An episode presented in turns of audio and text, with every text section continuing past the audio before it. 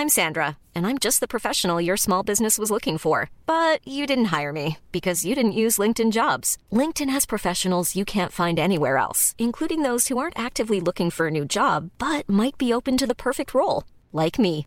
In a given month, over 70% of LinkedIn users don't visit other leading job sites. So if you're not looking on LinkedIn, you'll miss out on great candidates like Sandra. Start hiring professionals like a professional. Post your free job on linkedin.com/people today.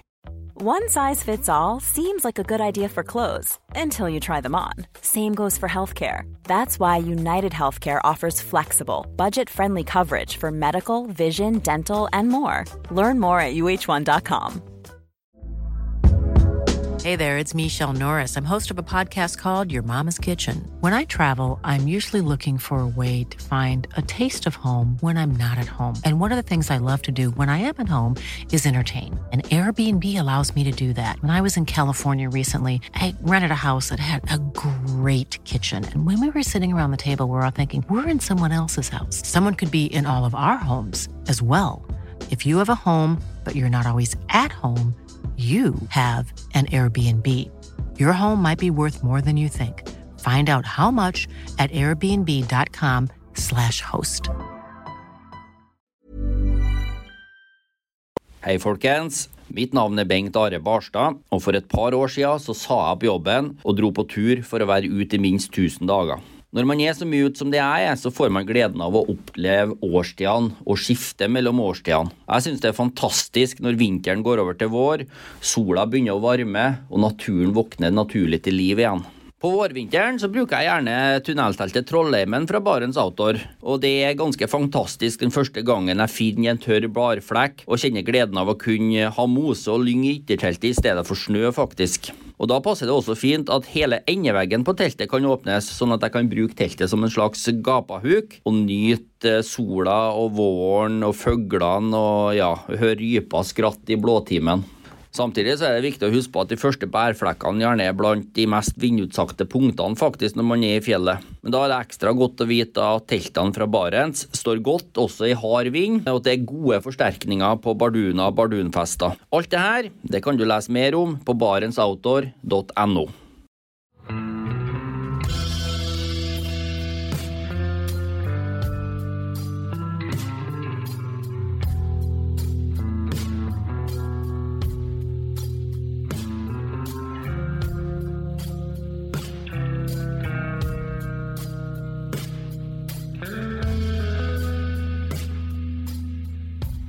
Hei og velkommen til podkasten Uteliv. Mitt navn er Randulf Valle. Å lage mat eller en kaffekopp på tur, det kan for mange av oss være en av de virkelig store gledene med å være ute. Men hva slags varmekilde skal man bruke? Noen sverger til bålet, andre har et nært forhold til stormkjøkkenet som fyres på rødsprit, eller står last og brast med parafinprimusen sin. Men i dag så er det veldig mange som bruker gassbrenner på tur. Det er enkelt, det er renslig, og du har et stort utvalg av modeller, alt fra små, kompakte vannkokere for vektjegeren, til store og stabile brennere for gourmetkokken. Men gass som brennstoff har også noen begrensninger. Det gjelder spesielt funksjon i kulde, men man kan òg oppleve forskjeller på yteevne om du sammenligner full, halvfull og nesten tom gassboks, eller gass fra forskjellige produsenter. Og det her kan være litt forvirrende for mange. Som alltid eh, så er det enklere å forholde seg til sånne effekter om man forstår de grunnleggende naturlovene som styrer dem. Og i dag så har jeg fått med meg en virkelig ekspert på hvordan gass oppfører seg. Velkommen til Bjørn Hafskjold, professor i fysikalsk kjemi. Takk for det. Takk Mhm. for det. Et kort eh, beskrivelse av fagfeltet fysikalsk kjemi. Det er læren om stoffers fysiske egenskaper. Og det jeg har jobba mest med, det er termodynamikk. Det vil si læren om energiforandringer. Mm. Spesielt sånne forandringer som forbrenning, overgang fra termisk energi til mekanisk energi, osv. Mm. Overgang fra termisk til mekanisk energi, det finner man f.eks. i en bil. Ja, eksempel det. Mm. Ok. Um, vi skal i tillegg til gassen, så skal vi også innom eh, et annet fenomen. For, det, for en vitenskapsmann så er jo på en måte litt sånn krona på verket når du får eh, noe oppkalt etter deg. En Heisenbergs usikkerhetsrelasjon, f.eks. Boltzmanns konstant. Og du har da Hafskjold-effekten som bærer ditt navn. Ja, det er riktig det. Eh, Heisenberg og Boltzmann er vel kanskje å dra det litt langt i sammenligningen med meg, men det er, det er en viktig viktig effekt, da. Det er en viktig effekt, ja. Ja. Og den handler om termodynamikk, ja. som alt mulig annet, nesten. Eh. For vi skal ikke forklare hvorfor det skjer riktig enda, vi skal holde, dere, holde på spenninga der. Men, men, det er jo da sånn som noen kanskje ikke egentlig har reflektert over, men mange har nok merka at hvis du drar på tur til ei avsidesliggende hytte om vinteren, og så tar du med en øl for å kunne leske strupen kanskje akkurat idet du kommer fram, og så er det beinkaldt, og så er du litt redd for at den ølen skal ha fryst. Ja. Og så kommer du fram og tar opp ølflaska fra sekken og konstaterer blid og fornøyd at ølen har klart seg. Men idet du åpner korken, så fryser det til ei sørpe. Nettopp. Da kan dere tenke på hvorfor i all verden skjer det? Og jeg har med vilje ikke lest meg opp på fasiten, så jeg har gått, Vi har planlagt denne episoden her ganske lenge, så jeg har gått og tenkt på det her nå i månedsvis. Og har, kommet, jeg har vært gjennom tre forskjellige hypoteser, tror jeg, og kommet fram til hva jeg tror er det, det, den reelle effekten. Så kan jo dere da trykke pause og tenke så det knaker, eller prøve å både høre på og tenke på hvorfor ølen fryser når du åpner korka. Ja, vi får se. Mm -hmm. Ok.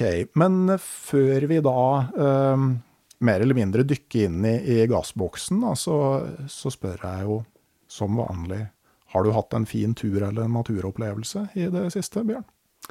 Ja da, jeg er jo veldig glad i å gå på tur, eh, sjøl om jeg syns det blir litt for lite av det. Og jeg er spesielt glad i å gå på ski. Og eh, f.eks. sist lørdag hadde jeg en fin skitur på eh, Nerskogen, der vi har ei hytte. Mm. Det var en uh, fin tur i vind og snø. Mm. Når du er på tur altså, Jeg må, må jo si at uh, jeg er jo på besøk hos deg og tar opp den episoden på kontoret ditt. Og det er jo et, sånn, det er jo et professorkontor, uh, vil jeg si. Det, mye rot, mye rot. Ja, men folk sier jo på en måte rotete hode, rotete pult. Jeg sier hva er da en tom pult et uttrykk for? Ja, ikke sant. Det, men når du går på ski på Nerskogen, tenker du på naturen, eller tenker du på fag? Nei, da tenker jeg på naturen, ja. ja. ja sånn som f.eks. på lørdag, hvor det snødde og blåste. Da var det jo det jeg forholdt meg til. Mm. Men det hender en gang iblant at det dukker opp en idé mens jeg gjør noe helt annet enn å tenke på fag. Og det er jo veldig fint. Og mm. sånn kommer det ramlende ned noen ganger. Mm. Det er jo noe som mange har måte, reflektert over. Det er bl.a. Torbjørn Ekelund som har skrevet en bok som heter 'Stiens historie', som handler om å gå. Det var den aller første episoden av podkasten Uteliv. Hvor det var snakk på det at eh, altså, det er veldig mange som, som, tenker bedre når de går, og faktisk ubevisst begynner å gå når de tenker. Ja, og hvis eh, du sliter med et eller annet problem, noe du lurer på, noe du ikke helt skjønner, noe du ikke helt kan forklare, så er det veldig fint å gjøre noe annet. For plutselig så er forklaringen der. Det har skjedd mange ganger med meg òg. Men eh, en eh, gassboks for turbruk, altså det, det, er jo noe man kan kjøpe på en sportsbutikk eller på en bensinstasjon, hvor som helst. Når man tar opp den, så merker man jo at det skvalper. Hva er det som er inni en sånn gassboks? Inni den boksen er det en væske og en gass. Det er som et halvfullt beger. Mm -hmm. Og eh, gassblandingen er i hovedsak propan og isobutan. Mm. Eh, noen ganger er det også normalbutan. Isobutan og normalbutan er omtrent det samme. De har litt forskjellige egenskaper. Derfor er noen bokser eh, blanda litt annerledes enn andre. Mm. Men det er altså da Altså du har eh man kaller det en gassboks, men det er altså eh, på en måte halvparten væske og, og, halvparten Eller ikke halvparten og halvparten, men det er væske i bunnen, og så så er de samme stoffene i gassform i likevekt med denne væska. Ja, altså, altså det at det er en gass, det betyr jo ikke at den ikke kan gjøres om til væske. Luft kan jo også gjøres om til væske, bare det blir kaldt nok. Og det er det som er på en måte inni boksen, en væske i likevekt med gassen. Mm. Men for å si noe, altså sånn, den blandinga du har av de forskjellige stoffene, eh, normalbutan, isobutan og propan, altså det eh, får en påvirkning til bruksegenskapene til den gassboksen her. Ja, det gjør det fordi at eh, propan har lavt kokepunkt, dvs. Si at det lett går over til gassfase. Mm. Og det betyr også at det er høyt damptrykk. Mm. Men hvis boksen hadde vært, hatt bare propan, så ville det vært litt farlig med de tynne boksene som vi bruker i, til turbruk. Da måtte vi hatt en gassflaske av type 11 kilos virkelig tunge stålflasker. Derfor er propan blanda med eh, butan for å senke damptrykket, og da betyr det også at kokepunktet blir litt høyere. Mm. Ja, for man vet jo at eh, de, eh, sånn propankjøkken på et, ei turistforeningshytte f.eks., med de store, tunge gassflaskene, dit kan du komme i 30 kuldegrader, og det har ikke vært folk der på, på lang tid. Og så får du likevel start på, eh, på propanapparatet. Men da har du altså en mye, mye mer solid og tjukkvegga flaske som veier mye mer. Ja, og det er jo ikke noe egnet til turbruk. Der er en opptatt av vekt. Og da må en kompensere for det med å blande inn butan i propan. Faktisk så inneholder en sånn vanlig gassboks mest butan, ca. 80% og bare 20 propan. Mm. Men hva er det som skal til for at den gassen her skal komme ut av boksen, da? Da må trykket inni boksen være høyere enn trykket utafor. Mm. Og utafor boksen er det atmosfæretrykk. Så ved eh, havoverflata, eller normalt, så er jo det én atmosfære, som er det omtrent det samme som én bar. Mm. Sånn at hvis temperaturen er høy nok, så blir damptrykket av den væska og gassblandingen som er inni boksen, høyere enn trykket utafor. Og når vi da åpner gassventilen, så kommer gassen ut. Mm. Uh, men det her er da avhengig av sammensetninga til gassen og temperaturen som den gassblandinga har. Ja, det er riktig. Fordi at eh, jo mer propan det er i den blandinga, desto høyere blir damptrykket. Og desto lettere strømmer det ut. Mm. Sånn at eh, en eh, vanlig gassboks, den en, eh, vil ha et trykk på ca. 4,8 bar, mellom 4 og 5 bar ved, ved vanlig romtemperatur. Mm. Rein propan vil ha et damptrykk ved 40 grader som er på 13 bar. Ja. Og det er for mye for uh, at en sånn gassboks skal uh, tåle det. Mm. Mens uh, butan har et damptrykk ved 40 grader på ca. 4, mellom 3,5 og 4,5 bar. Ok, ja, 40 grader, altså 40 varmegrader? 40 varmegrader, ja. ja. Og ved 25 grader altså, så har du 4,8 bar, så det altså sånn, uh, på en sånn uh, blanding. Med Vanlig blanding, ja. ja. Så du har altså fire ganger så høyt trykk inne i boksen som, uh, som, i omgivelsene. Ja. Og det er klart at da strømmer det lett ut når du åpner ventilen. Mm. Men ved lavere temperaturer, ved flere kuldegrader, så vil det trykket inni boksen bli mye lavere. Og da Eh, strømmer det ikke. Da blir effekten, eller futten i boksen, mye mindre. Ja, fordi altså, De tre komponentene som er enige her, da, altså normalbutan har et ø, kokepunkt på, på minus 0,5 grader. altså sånn, ø, Mens isobutan ligger på snaut 12 og propan 42. Ja. Så det er ganske sånn stor forskjell mellom dem. Ja, det er det. Er det. Og ø, vanligvis så inneholder den gassen bare propan og isobutan. Mm. Men hvis det er til sommerbruk eller i varmere strøk, så pleier en også å sette til litt normal butan for å dempe damptrykket litt. Grann. Ja, litt sånn sikkerhetsmessig, ja. det. Altså ja. hvis, uh, hvis, gassboksen blir stående inne i et varmt uh, telt uh, med sola steikende på. Nettopp. Eller ligge i vinduet i bilen. Ja, der, der skal den da overhodet ikke ligge, men men sjøl i bagasjerommet. Eh, så Eh, For, det, det er jo kolossalt mye energi i en sånn boks. Altså, jeg prøvde å gjøre en liten sånn der beregning på, på hva vi egentlig snakker om. Eh, og jeg, jeg, jeg må innrømme at jeg, jeg syns det her hørtes voldsomt ut, men, eh, men et gram gass skal da ha 46 000 joule, Ja. Som er det samme som newtonmeter. ja. Og en, du kan si at en newtonmeter, det er den energien som trengs da, litt forenkla, for å løfte 100 gram en meter opp. Nettopp. Så med 46 000 joule, så kan du løfte 4600 kilo en meter opp. Det er en ganske stor bil. Det er en amerikaner. Det er en bil du ikke kan kjøre på et førerkort med 3500 kilo. Og så har du 200 gram gass i gassboksen. Sånn at når du sitter inne i teltet, så er det risikoprofilen, så kan du tenke deg at du har en diger amerikaner heist opp 200 meter over teltet. Det er, i, I prinsippet så høres det riktig ut. Men her kommer termodynamikken inn.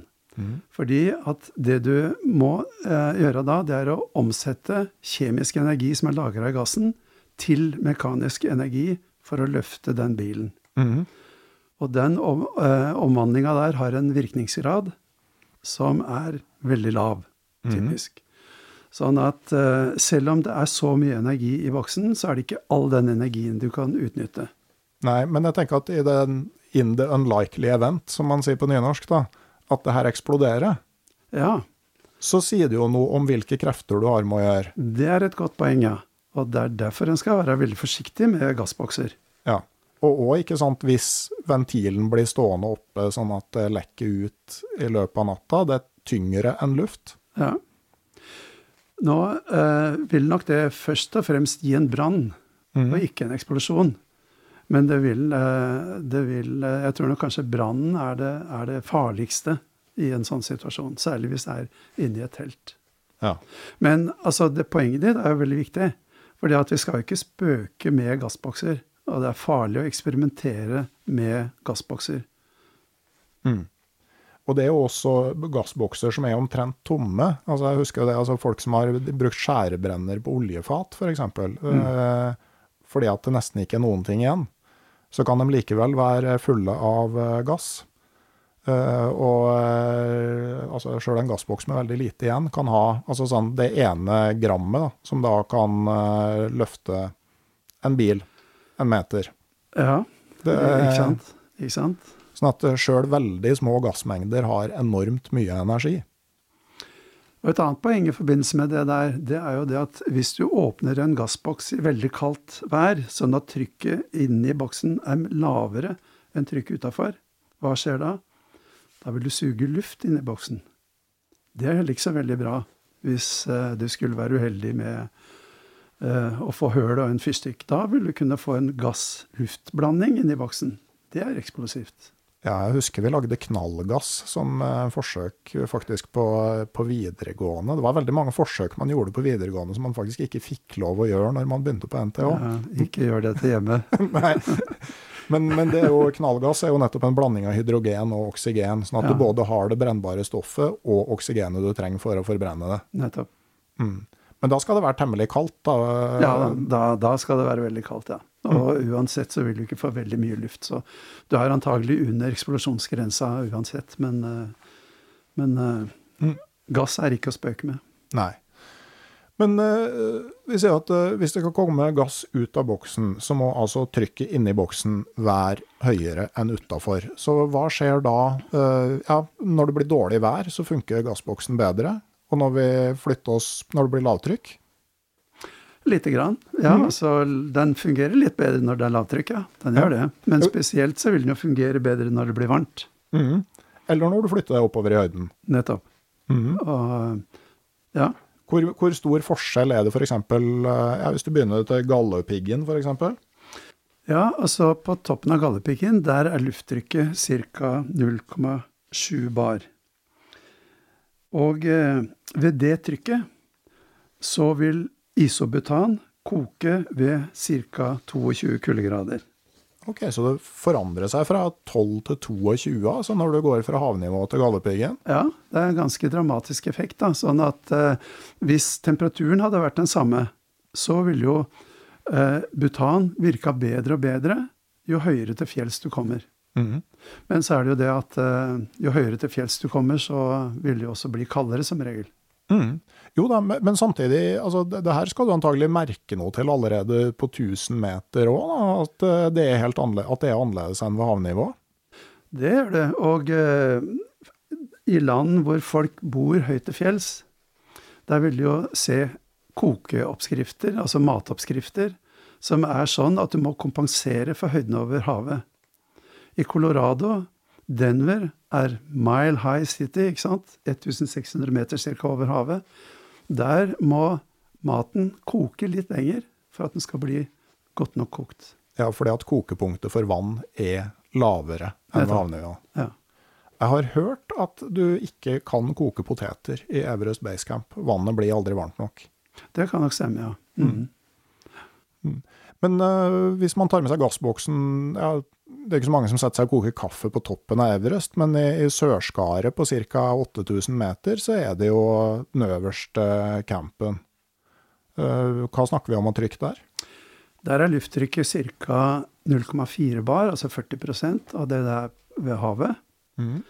Og uh, da vil butan, isobutan, koke ved ca. 35 kuldegrader. Ok. Og rein propan vil koke ved ca. 65 kuldegrader. Så du har en del å gå på øh, der, altså. Det kan vel kanskje være godt å ha òg, i de temperaturene man har i sørskaret? Ja, nå har jeg aldri vært der, men jeg vil jo tro at det går an å bruke gassbrennere i i Sørskaret. Fordi at eh, selv om det er kanskje ned i en 40-50 kuldegrader, så kan du inni et telt få det varmt nok. Men, men det er jo interessant da, at altså, uh, lufttrykket er redusert til 70% allerede på Galdhøpiggen. Uh, og så er det faktisk 40% fortsatt på Everest. Du har mye mer måte å tjene på å komme deg på Galdhøpiggen for å uh, bruke primusen enn å ta hele veien til Himalaya. Ja, ja da. så, så det er ikke lineært. Det er ikke lineært, nei. Eh, Per 100 meter opp så eh, endrer lufttrykket seg mer fra ved, havnivå, altså opp til Galdhøpiggen, enn tilsvarende høydeforskjell i nærheten av Sørskaret. Mm. Det er forresten noe som eh, på norsk heter den hydrostatiske ligningen, og på engelsk eh, the barometric equation, som forteller sammenhengen mellom høyden over havet og lufttrykket. Okay. Og det er en sånn eksponentiell synkende funksjon oppover. Er det lenge siden man klarte å regne seg fram til? Ja, det er lenge siden. Ja, det er uh... Er det sånn Newton og der omkring? Ja, liksom? ja, ja det er det. Mm. Men når man uh, da har stikket i butikken og kjøpt seg en helt ny uh, gassboks, uh, og så skrur man brenneren fast på toppen, og så begynner man å fyre. Da er det gjerne høy flamme og fin effekt i starten, men relativt fort så blir flammen mindre, effekten blir mindre, og ofte så kan du se at det blir dogg, og kanskje til og med rim, på utsida av eh, gassboksen. Hva er det som skjer da? Det som skjer da, det er at væska inni boksen begynner å koke. Når du kjøper den boksen, og den er i likevekt med omgivelsene sine, så er det en blanding, som vi sa i stad, av væske og gass på sitt kokepunkt ved det trykket som er inni, inni boksen. Når du begynner å åpne ventilen, så tapper du av gass, og det som da skjer, er at væska koker. Det å koke, det krever varme. Og hvor kommer den varmen fra? Den kommer ifra væska sjøl. Og Så den blir kaldere. Og etter hvert så vil jo da gasstrykket synke, og det blir mindre futt. Inntil det begynner å strømme så mye varme til boksen, altså til innholdet i boksen, utenfra, til at det klarer å holde kokinga i gang. Ja, så du, du får på en måte en likevekt når varmetapet fra kokinga blir likt varmetilførselen fra omgivelsene. Ja. ja for en likevekt eller en stasjonær tilstand, kan du si. Ja, Sånn at eh, du, det jevner seg på en måte ut på, på et sånn nivå. Det vil jo avhenge av omgivelsestemperaturen. Ja, akkurat. Men så er det jo sånn at sjøl selv om du da Du, du kan jo da f.eks. varme boksen med hendene. Da. Ja. det, det fungerer jo veldig fint. Men om du da setter fra deg den slår av brenneren, setter fra deg boksen, og lar den stå noen timer, så den får tilbake samme temperatur som omgivelsene, mm. og du tenner den på nytt, da er flammene mindre enn da du tente den første gang. Ja, og grunnen til det er at når du begynner å tappe gass fra den boksen, husk at det er en blanding med to stoffer som ikke har samme kokepunkt inni boksen. Omtrent som vann og sprit i en sats. Mhm. Når du begynner å fordampe det der, så vil den flyktigste komponenten, som for gassboksen sin del er propan, den vil dampe av. Lettest. Det er ikke sånn at du får rein propan til å begynne med, og så blir det bare butan igjen til slutt. Men gassblandingen vil være rikere på propan enn væskeblandingen. Og det betyr at når du etter hvert tapper av gass, så vil det bli mindre og mindre propan igjen i den væska som er igjen. Da vil damptrykket synke, og da vil det bli mindre futt i boksen. Selv om du holder temperaturen konstant. Ja, for du får mindre, mindre prosentandel av propan med kokepunkt på omtrent 40 grader, og en større prosentandel av isobutan med kokepunkt på, på minus 11 Nettopp. grader. Veldig glad for at du tar fram det eksempelet med sats òg. Altså, jeg er jo født og oppvokst på, på Innlandet, og jeg, når man prøver å forklare det her for folk, så, så er det jo veldig enkelt plutselig å forstå da, når du har sprit med kokepunktet 78 grader, Ja, ikke sant? Altså, og vann med 100, og legger du temperaturen litt mellom der, så så det som skjer inni gassboksen, det er en form for destillasjon, egentlig. Sånn som uh, i hele poenget med destillasjon er at dampen har, er rikere på den flyktigste komponenten enn væsken hadde i utgangspunktet. Så det er jo to grunner til at, eh, at det virker dårligere og dårligere etter hvert. Det ene er at det blir kaldere, sånn som vi snakka om. Og det andre er at eh, det er den væska som blir igjen til slutt, den inneholder lite propan og mye butan. Og det har da lavere damptrykk og lavere futt. Ja. Men et, et triks, da, eller det som da nå i større og større grad kommer, det er jo at gassbrennere som, hvor du kobler til gassboksen med slange, der er det nå mulig å snu gassboksen opp ned. Og da er du plutselig inne i en helt ny situasjon. Ja, og det er interessant, for da er det to ting som skjer. To fordeler. Det ene er at det du da tapper ut, det er væskefasen inni boksen. Og den har jo en sammensetning som den hadde i utgangspunktet, fordi du ikke fjerner gassen, den blir igjen inni boksen, så du tapper ikke ut den flyktigste komponenten. Og det, det er den ene fordelen. Den andre fordelen er at boksen blir jo ikke kald, for det er ikke inni boksen at kokingen skjer nå. Den skjer nær brenneren, altså når væsken har kommet til brenneren. Om det er en forvarmer der eller ikke, spiller ikke noen rolle, men den blir altså ikke fordampa inni boksen. Nei, så du unngår den eh, temperatursenkinga, samtidig som du beholder den flyktige komponenten eh, hele veien. Det som da er viktig, er å ikke falle for fristelsen til å snu boksen innimellom, for da er du jo tilbake til den første situasjonen, og at, eh, at propanet veldig fort forsvinner ut da.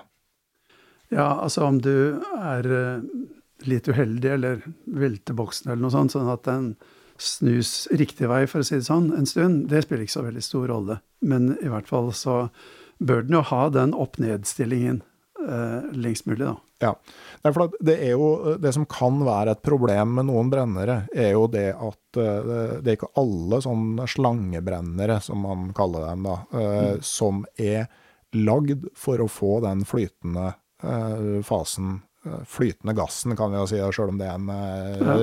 Ja. Ja, det er flytende gass. Ja. Ja. Eh, Sånn, eh, for at de må jo egentlig være konstruert litt sånn som eh, parafin- og bensinprimuser. Ja. Du må få den eh, væskefasen over i gassform før den kommer fram til dysa, sånn at en del av de gassbrennerne har eh, at gassrøret kanskje går gjennom brennerhodet på veien sin til dysa. Ja. Eh, og, men for andre brennere som ikke har den funksjonen, så kan det jo altså uansett så kan det faktisk være greit hvis det er veldig kaldt, å tenne dem med rettvendt boks, og så snu den når du har fått litt grann varme. Eh, fordi at eh, du får jo kolossalt mye mer energi ut hvis du får den flytende fasen. Altså hvor, hvor mye ekspanderer propan fra flytende til gass? ja, en tommelfingerregel er en faktor 1 til 1000 Ja. i volum. Sånn at eh, når, du får, eh, når det renner ut flytende fra dysa, så får du da liksom 1000 ganger så mye energi som eh, når du kom i gassfase. Ja, altså Det blir omtrent som en primus som, før du har fått ordentlig varme på den. ikke Ja. sant? Og Hvis du da pumper litt for mye og får bensin i Mm. flytende form ut gjennom brenneren, så vil det bli en stor gul flamme, gjerne, Mm. som ikke er så bra. Ja.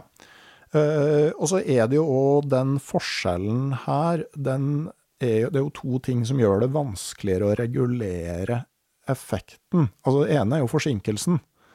Eh, for fra du åpner ventilen på tanken, så går det jo altså Fordi at du, du skal ha et mye mindre volum ut, så går det en god stund før det er forvandra gjennom slangen og bort til brenneren.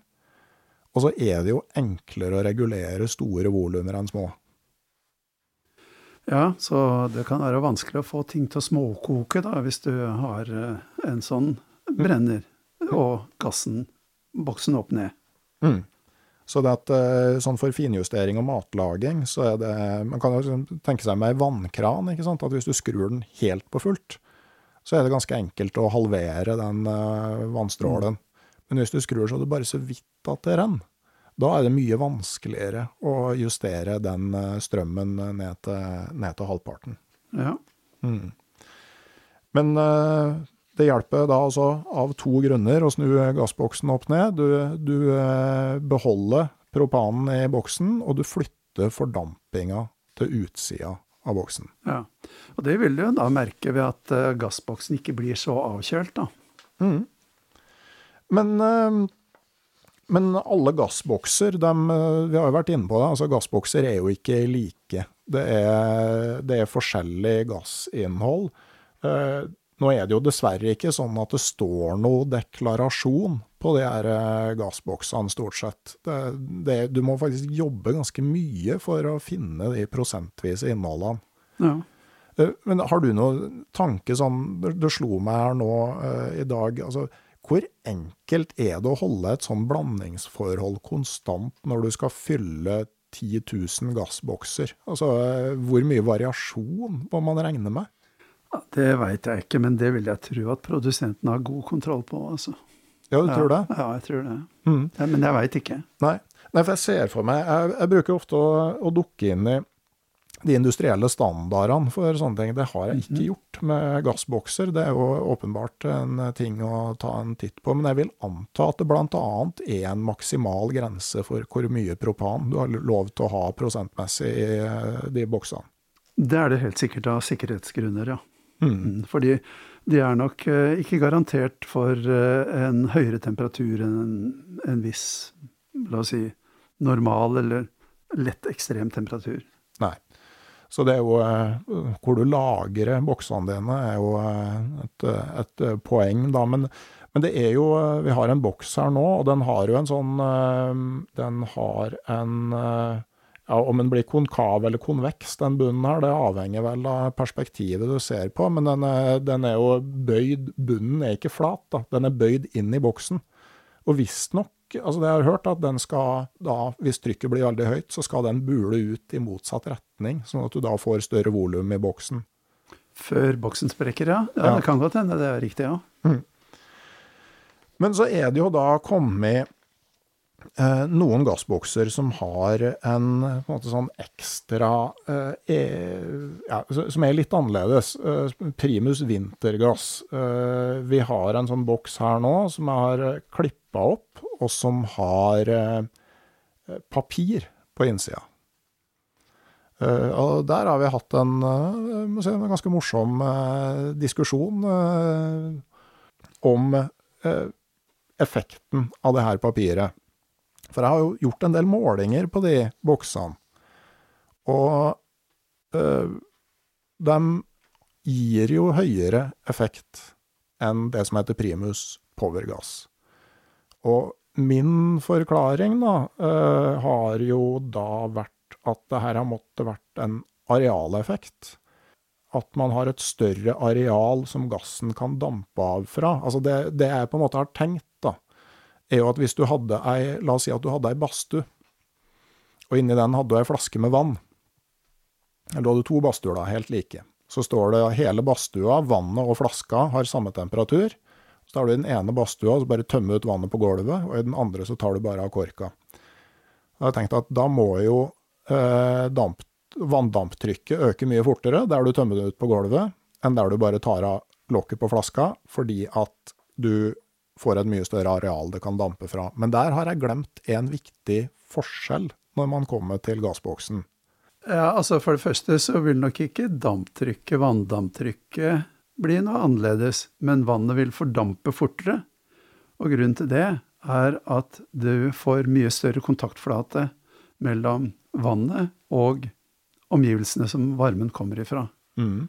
Eller gulvet, da, kanskje, hvis du søler det utover gulvet. Mm. Og sånn er det jo for så vidt med gassbokser også. Altså hvor fort gassen kommer ut av boksen, det er jo avhengig av hvor fort du kan tilføre varme til boksen. Mm. Og eh, da har jeg tenkt som så at denne pappen eller papiret inni boksen ikke kan ha så mye å si, fordi at boksen er jo like stor for det. Og det er jo utetemperaturen, eller, eller omgivelsene, temperaturen, som bestemmer hvor mye varme som kan tilføres. Mm. Men du har et poeng, fordi at kontaktflaten mellom væske og gass blir jo større hvis denne væska kan suges opp i en papir inni boksen. Ja, så får, eh, da får du kontakt med den ø... Altså, du endrer rett og slett stedet hvor gassen fordamper. Den fordamper ikke bare fra toppen av væskefasen, men fra papiret som er i kontakt med utsidene av gassboksen, som er lagd i aluminium, med god varmeledningsevne. Også i tillegg så har du på Når du bruker toppmonterte gassbrennere, så vil flammen også varme opp toppen av boksen. Sånn at uh, du får Det er ikke det at du får større areal, men du får avdamping fra et mer fordelaktig sted. Ja, du, uh, du har klart å overbevise meg om det der nå. Mm. Uh, og du får i grunnen et større areal også, sånn som du sa i stad. fordi at i stedet for å ha bare liksom, væskeoverflaten inni boksen, så har du nå en i tillegg overflaten mellom den væsken som er sugd opp i papiret, og gassen. Det betyr at du får et større areal som varmen kan trenge gjennom. Mm. Ja, men, sånn, men, det arealet ville ikke hjelpe deg hvis du ikke samtidig klarte å få større At, at du, du, får også større varmeutveksling med omgivelsene. For et større areal for avdamping, det ville, hvis du ikke fikk mer varme inn, så ville det bare føre til at du fikk en kortvarig glede da, mens det fordampa, og så fikk du lavere temperatur.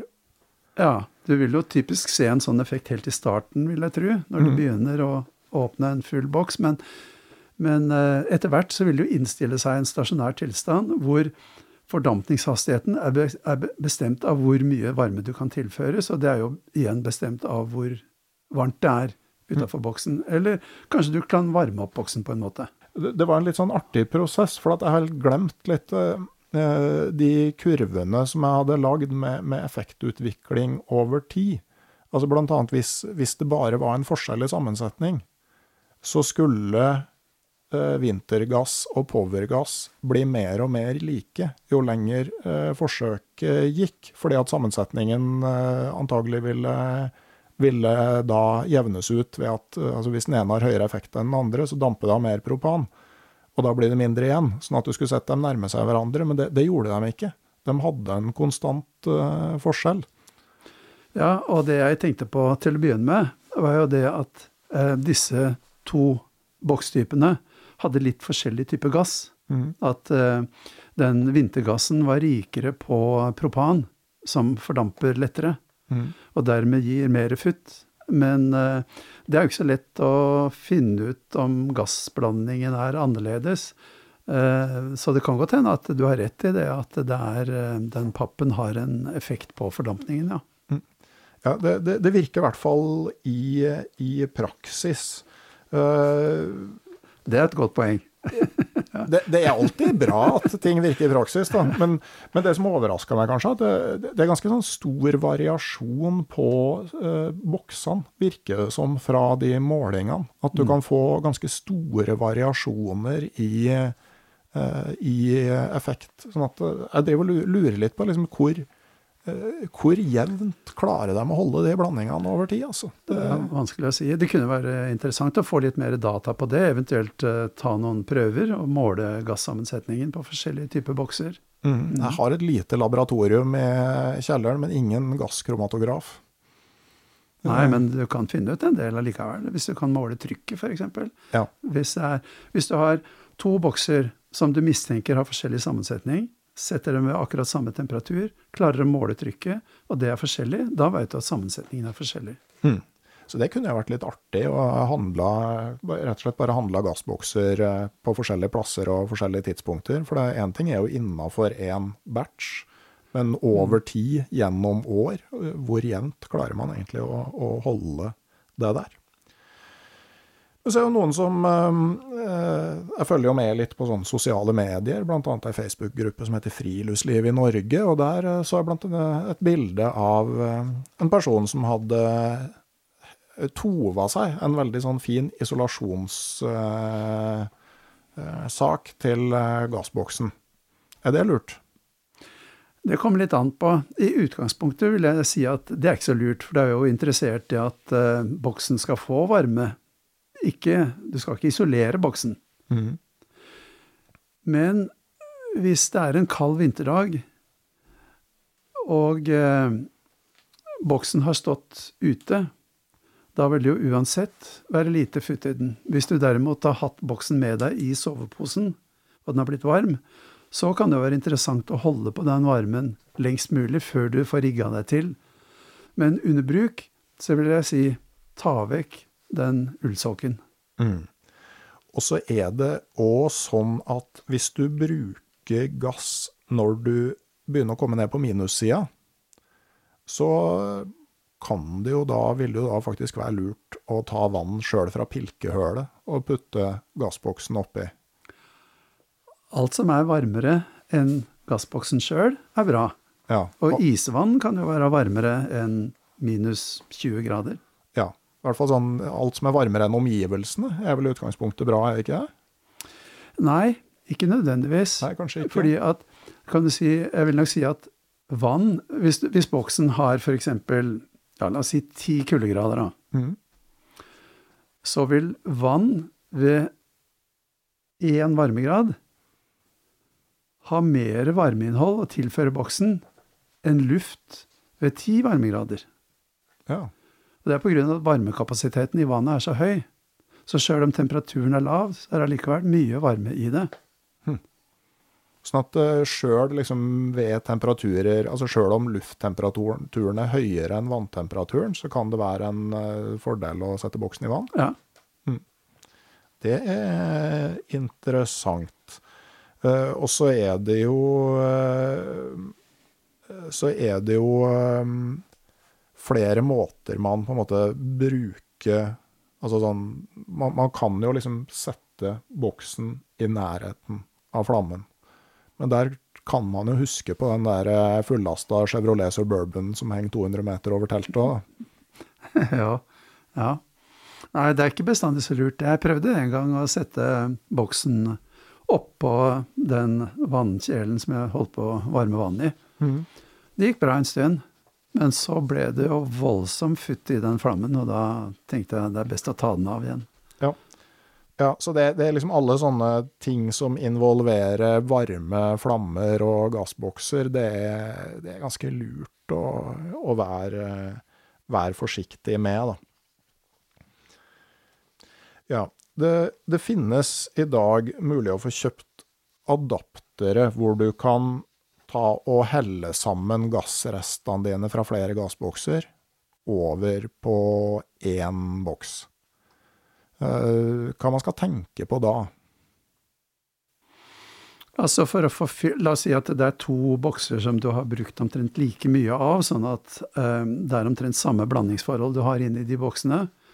Da er det jo ikke noe annet å tjene på å fylle den ene boksen over i den andre, enn at du får mindre boks å bære på. Nei. Mindre volum og kanskje litt mindre vekt som ligger i boksen sjøl. Mm. Men, men, eh, det vil jo ikke bli noe mer futt i den boksen som du da fyller på. Nei, og det vil bli dårligere futt enn i en ny boks, fordi at du blander jo de restene med enten isobutan eller butan. Mm. Uh, sånn at Men, men det, sånn, du kan jo blande sammen, eller ha de restene til, til sommerbruk. Og så tenker jeg man skal òg være klar over at gassbokser er jo lagd som engangsemballasje. Sånn at ventiler og gjenger og sånne ting er jo ikke lagd for å fungere gang på gang på gang på gang. Eh, så man må ha litt sånn systemer for å sørge for at du ikke Du skal ikke velge deg en sånn godboks som du fyller opp igjen 30 ganger. Det tror jeg er et uh, veldig godt uh, råd, ja. Mm. Er det noe risiko for å på en måte overfylle og få altså La oss si at du legger boksene i fryseren. Da. At du har kun butan eller, og isobutan igjen. Så legger du boksene i fryseren, så du bare har væskefase. Og så fyller du måte, full en boks. Ja, jeg tviler på at du klarer å fylle den helt full, men den bør jo ikke bli for full, da, fordi at gassen som er, den gasslomma som er inni boksen, den vil fungere som en slags buffer for trykk. Sånn at hvis disse boksene varmes opp, så vil jo den gassen kunne komprimeres litt, og dermed øker ikke trykket så mye som det ville ha gjort hvis boksen hadde vært helt full med væske. Mm. For væsken er helt inkompressibel, eller nesten helt inkompressibel, mens gassen er, eh, er kompressibel. Ja. Så det er ikke noe lurt å fylle en sånn boks eh, for full.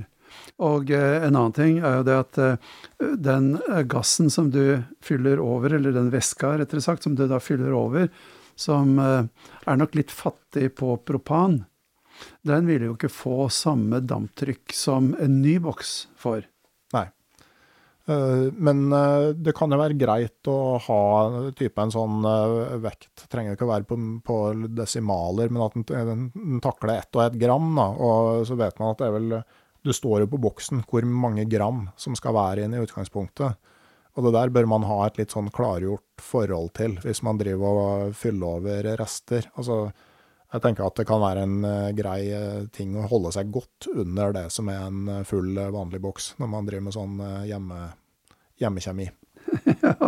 ja, det er det nok. Og jeg skjønner, helt, jeg skjønner ikke helt poenget med å gjøre det, men, men, hvis man vil ta vare på slanter og bruke til sommerbruk, som du sier, så kan jo det være et godt poeng. Men for i det hele tatt å fylle den ene boksen over i den andre, så må jo den, den som tar imot, må jo være kald i hvert fall kaldere enn den som avgir. Mm. Uh, og du må jo da skru dem oppå hverandre, sånn at den som du tapper ifra, står opp ned, sånn at du får væsken inn. Ellers er det ikke noe poeng å Nei. få litt gass inni den uh, boksen. Mm. Men uh, det må jo være et poeng å altså Jeg vet mange som legger begge boksene i fryseren. Da får du ikke noe sånn veldig stort trykk, trykk over, men i hvert fall den du skal tappe, tappe det over i, bør jo ligge i fryseren. Den bør være kald, ja. Mm. Sånn at det jeg pleier å gjøre når jeg fyller på en sånn eh, engang, eller ikke engangs, men en lighter, mm. som går på litt sånn bensin, sånn peistenner og sånn, ja. det er at uh, jeg pleier å legge uh, den tenneren i et kaldt sted, kjøleskapet eller kanskje til og med fryseboksen, eller ut på hytta om vinteren. Og den boksen jeg fyller bensin fra, den har romtemperatur også fyller jeg over i den Fyller fra den ene til den andre. Ja, ja sånn, eh, sånn, som den peistenneren. De er ja. liksom litt sånn med rød, svarte med rør i enden, liksom. Riktig. Ja. Hm. Det er et uh, godt poeng. Mm, men jeg må si at jeg ser, jeg ser jo helt klart et poeng ved å slå sammen slanter. Altså hvis du er en god del på tur. Altså jeg har en sånn der sånn hagemøbelkasse, en ekstra sånn ute. Ikke bare for gassbokser, nei, men uh, hvor liksom litt sånn turutstyr som ikke blir med inn, det ligger der. Og deriblant liksom alltid en del bokser som ja, de kan være med på en dagstur. Eh, men jeg kan ikke ta dem med på en helgetur, for det er ikke nok igjen i dem til det. Og det å få liksom kombinert dem, og så etter at du har da etter at du har slått sammen én gang, da, at man da eh, avslutter livsløpet til den, den, boksen som man ikke ender opp med å fylle. Samme boks mm. mange ganger. Lagrer du de boksene utendørs? Ja, jeg gjør det. Ikke innendørs? Nei, jeg lagrer dem ute. Nei, For de lekker jo lite grann? Ja, de, de, kan jo gjøre det, og de skal jo Ikke sant, altså Du skal jo ikke ha dem i en kjeller, for det er jo tyngre enn luft. Mm. Og det å bruke gassbrenner i båt, f.eks., er jo eh, ikke noe særlig. For det, det, er jo ei diger balje som du kan fylle med, med propan. Ja.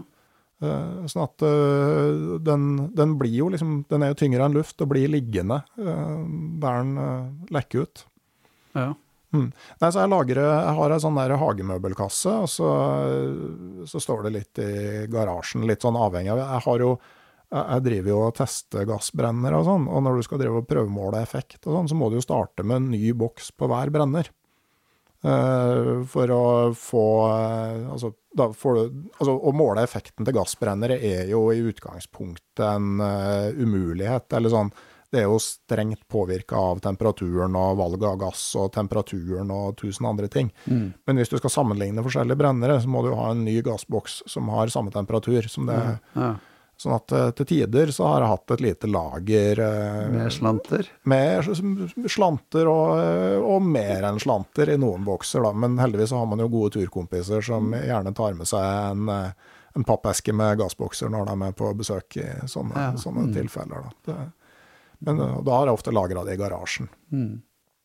så Men den, nok en gang, den, den der ventilen nå er nok sånn, altså spesielt hvis det begynner å bli noe rustdannelse og sånne ting, ja. så skal det være veldig, veldig forsiktig. For det skal ikke være veldig mye åpning der før det kan begynne å lekke ut litt. Nei, og du har Jeg har jo kjent lukt av, fra bokser som har ligget lagra en stund, så det er tydelig at de lekker litt. Grann, ja. Mm. Kan jo da Liten digresjon, men det samme. Nå er det straks påske. Eh, folk skal på hytta. Når bytta du sist slangen på gasskomfyren på hytta? Mm. Kan du ikke huske det? Få med deg en ny og bytt. Det er skummelt. Det er skummelt, ja. Har du noe erfaring med det? Eh, jeg har kjent lukt, ja. ja. Og, eh, og, den var blitt gammel og sprø. Mm. Så det, det, er rutiner på Kanskje sånn når du bytter den, altså ta på en liten sånn fryseteip med, eller et eller annet med dato på. Mm. Eller i hvert fall årstall. Ja. Lett synlig, sånn at du ser det når du bytter gassflaske eller noe sånt. Det, det, det er fin forebygging. Godt råd. Mm. Da tror jeg vi har fått med oss en god del om gass som drivstoff. Var det noe mer du tenkte på, Bjørn Afskjold? Nei, jeg syns det her var en bra dekning av, eh, av eh, det vi lurte på. Mm. Ja. Uh, men da skal vi over på liksom den virkelige vitenskapen, da, med Hafskjold-effekten. Hvorfor fryser ølen? Uh, men når observerte du denne effekten? Har, har du opplevd det sjøl? Ja, ja. Mm. Det er... Uh det var ca. 50 år siden ja. at jeg var på tur til Fosenkøya, Fosenkoia, som er ei av koiene til NTNUI, mm. da NTHI. Og eh, det var en kald vinterdag. Jeg gikk på ski. Eh, kom fram til koia, hadde lyst på Jeg hadde en langpils i sekken. Var tørst og ble veldig skuffa da den frøys til sørpe da jeg åpna korken. Da tenkte jeg, lurte jeg på hva er dette? Jeg skrev om det i koieboka. Og eh, etter det så er det blitt en historie av det. Mm. Ja, for jeg har, jeg har tenkt uh, Det er jo litt morsomt uh, å ha litt sånne problemstillinger å tenke på. Og jeg tenker også, det, har jo med kullsyra å gjøre. Og så har jeg liksom gått gjennom litt sånn forskjellige faser. og Først tenkte jeg sånn, har det å gjøre rett og slett med trykket i flaska? Eh, det er høyere trykk. Når du har eh, kullsyre der, så åpner du, og så synker trykket Altså, jeg vet jo at vann kan bli flytende under veldig høyt trykk. Altså, det er jo det som gjør at du kan gå på skøyter, f.eks. At isen går over til vann under skøyteeggen. Og på bunnen av en isbre så er jo eh, isen flytende. Det, men jeg tviler på at det er trykket i seg sjøl. For at du kunne se for deg at trykket påvirka frysepunktet til, til, vannet. Og at når du åpna, så sank trykket, og så frøs det. Og så kunne det være så enkelt som at frysepunktet til vann blir lavere når du har oppløst CO2, eh, og det er karbonsyre i vannet. Altså saltvann, det, det fryser jo ved en lavere temperatur enn ferskvann. Eh, det er jo, er jo medlem i Jan Mayen Nøgenbaderforening. Jeg var der i november, og det, det, var jo sånn på en måte, Ja, det var greit, bada, men det var 1,2 varmegrader. Og du er ikke sånn på en måte æresmedlem i foreninga før du har bada i vann som holder minusgrader. ok. ja vel. Ja. Så, da skal men, det være litt salt? Ja, det, det, er jo eh, salt sjøvann på eh, Så det er målt liksom sånn så vidt på minussida. Men ja. uh, teori to Vann med karbonsyre har lavere frysepunkt enn vann uten. Men i og med eh, at jeg vet at du har brukt effekten her i undervisning, så tenker jeg at det må være enda mer relatert til fagfeltet ditt. Og noe som er veldig nært det vi har snakka om i dag. Altså, når kullsyra fordamper fra ølen, så må jo det være noe tilsvarende som når gassen fordamper fra, eh, fra gassboksen. Er det her en endotermreaksjon, den eh, avdampinga av kullsyre, som krever energi, og som tar den energien fra ølen, som da gir den det siste lille dyttet for at den skal komme ned på, eh, på frysepunktet. Og det er det jeg heller mot som løsninga. Ok. Mm. Ja. Det er gode teorier, det der. Mm. Jeg kan jo lansere et par til, da. Ok. Det ene er at det rett og slett er underkjøling. Ja, du har ingenting å Det har ikke så mye med CO2-innholdet å gjøre, men at det rett og slett er som at uh, du kan kjøle ned rent vann til under null hvis det holdes helt i ro og liksom ikke forstyrres. Mm -hmm. Det er jo en mulighet. Uh, underkjølt væske, det er et kjent fenomen. Sjøl om uh, i ryggsekken min på den koieturen den gangen, så var jo ikke den veldig ro, egentlig. Nei. Enda en teori er at uh, når du får danna små gassbobler i væska når du tar av korken, så blir jo det på en måte som krystallkjerner, eller et små punkter i væska som krystallene kan begynne å vokse på. Ja. Det er en mulighet, sånn at du får en sånn sørpe. Nei, eh, sant å si eh, eh Jeg veit ikke helt sikkert. Gjør du ikke det? Men jeg får si til deg, som jeg sa til noen studenter, fordi at jeg skrev jo i koiboka om den episoden på Fosenkoia den gangen. Mm. Jeg skrev omtrent en sånn problemstilling som det du beskrev nå. Hva kan årsaken være?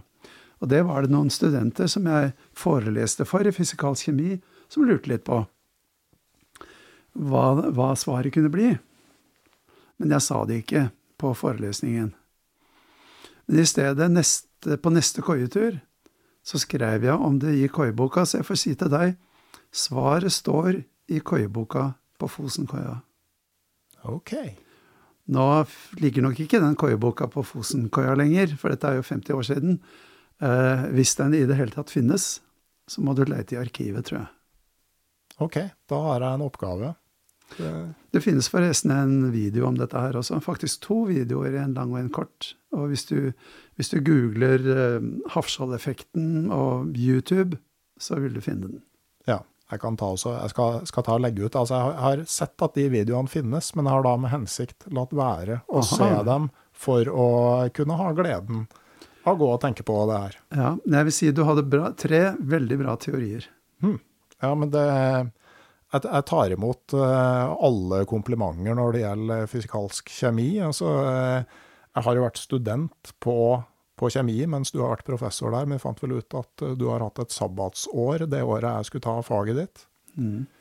Men jeg har e- ett sånn NTNU-spørsmål. Eh, en historie som jeg har hørt som dreier seg om en eksamen innenfor ditt fagfelt. Som vi hørte om. For at fysikalsk kjemi, det var jo ikke et fag Altså det var et fag som kunne få folk til å bli litt engstelige. Mm. Uh, Særlig termodynamikken. ja, det, det kunne det. Og så eh, hørte jeg en historie om en student som kom på eksamen, og mm, innså at det, her, det med termodynamikken, det her, det her gikk ikke. Så han bestemte seg for å levere blankt og prøve igjen neste gang. Men så hadde han ikke så mye å gjøre, så han satte seg ned og så tegna han en gris på ett ark, og satt på litt sånne der termodynamiske betegnelser og sånn på den der eh, grisen, og leverte den. Og så, eh, når da eh, professoren rette besvarelsene, så kom han jo til den grisen. Og syntes at det her var ganske morsomt. Og tenkte at karaktersystemet på den tida var jo at 1-0 var beste karakter, 4-0 var den best, dårligste karakteren du besto på, 6-0 var dårligste karakter. En besvarelse som det her skulle jo normalt få 6-0. Ja, sier ikke det. Nei, for den fikk 4-5. 4-5, ja.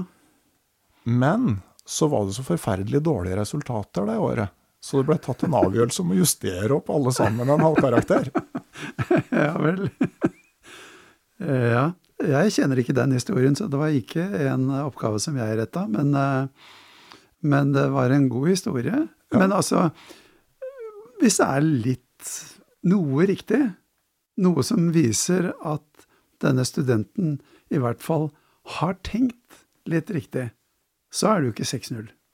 Nei, da kunne det vært 5-5 i hvert fall. Kunne vært 5-5 i hvert fall, ja. Mm. Og jeg har jo fått eh, Jeg har gitt 5-5 på en oppgave, husker jeg, som eh, var skrevet eh, på rim. Det var veldig godt rim, og det var, det var noe riktig der, så det ble 5-5. Ja.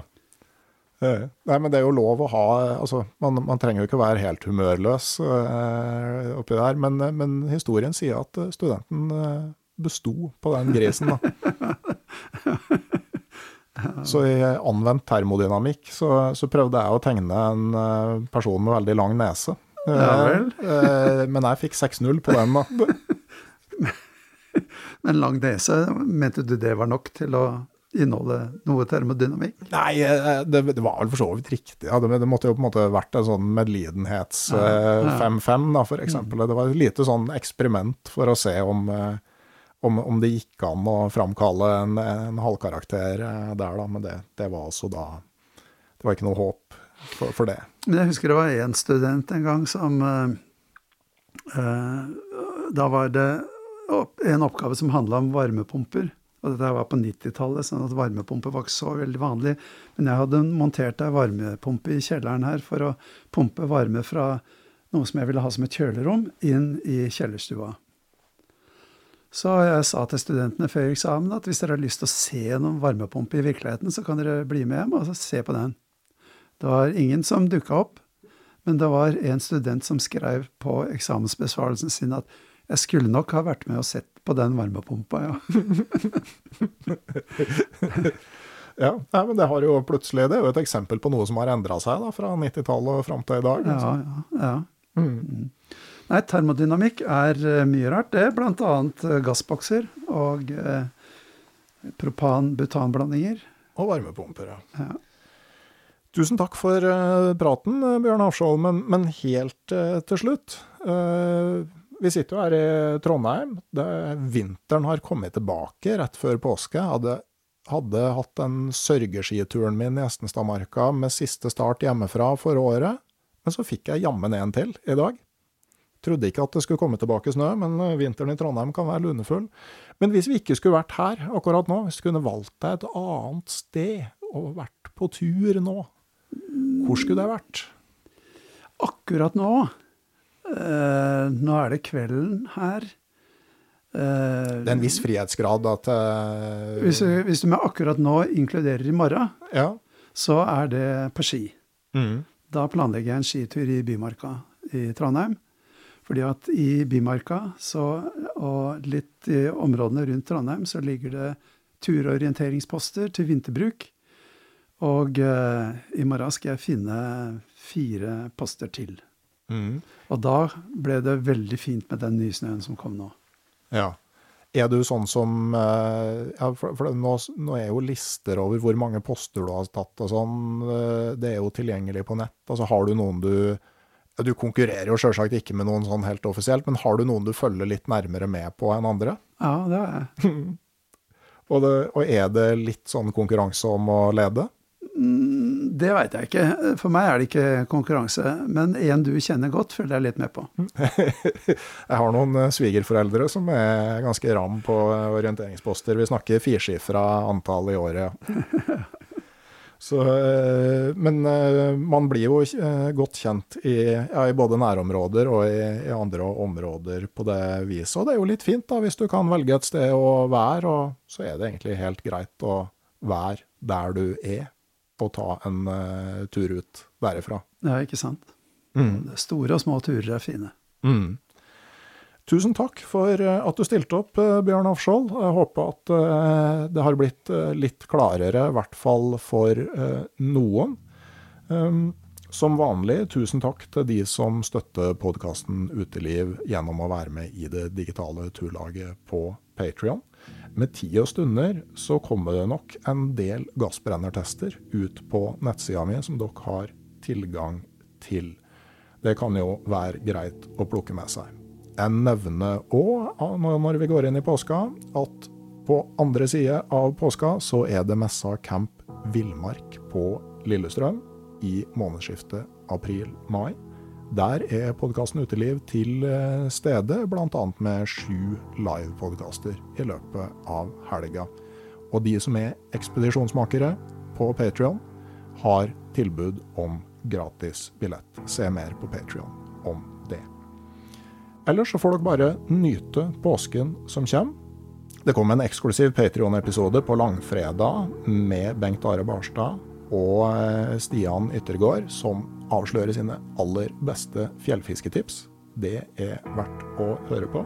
Og så kommer det en ny episode for alle om 14 dager. Ha det bra, og god påske.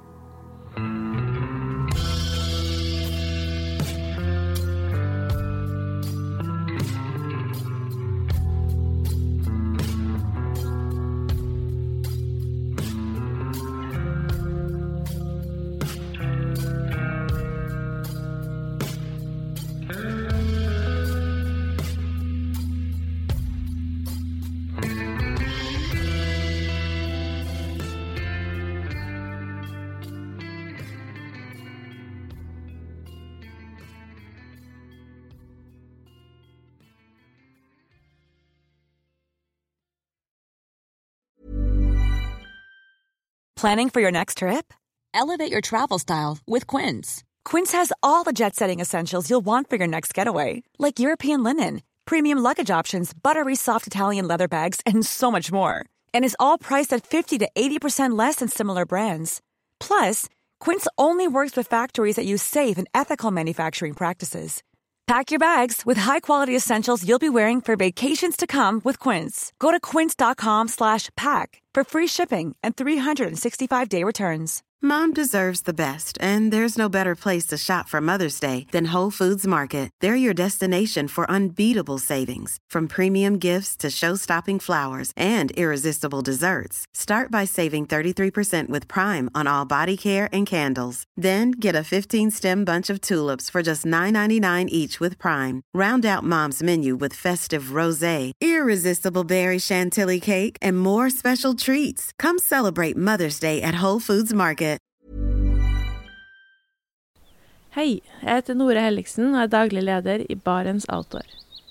Det beste vi kan gjøre for planeten, er å redusere forbruket vårt og få mer ut av det utstyret vi allerede har.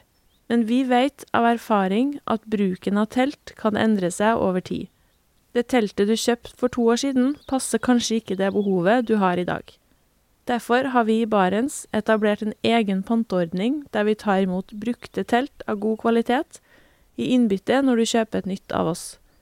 Prosessen er enkel. På barentsoutdoor.no gir du oss informasjon om teltet du vil bytte inn. Basert på det får du et tilbud fra oss som gir deg rabatt på ditt neste Barents-produkt. Mer info og betingelser finner du på barentsoutdoor.no. Og husk at den første reparasjonen på produkter fra Barents er alltid gratis.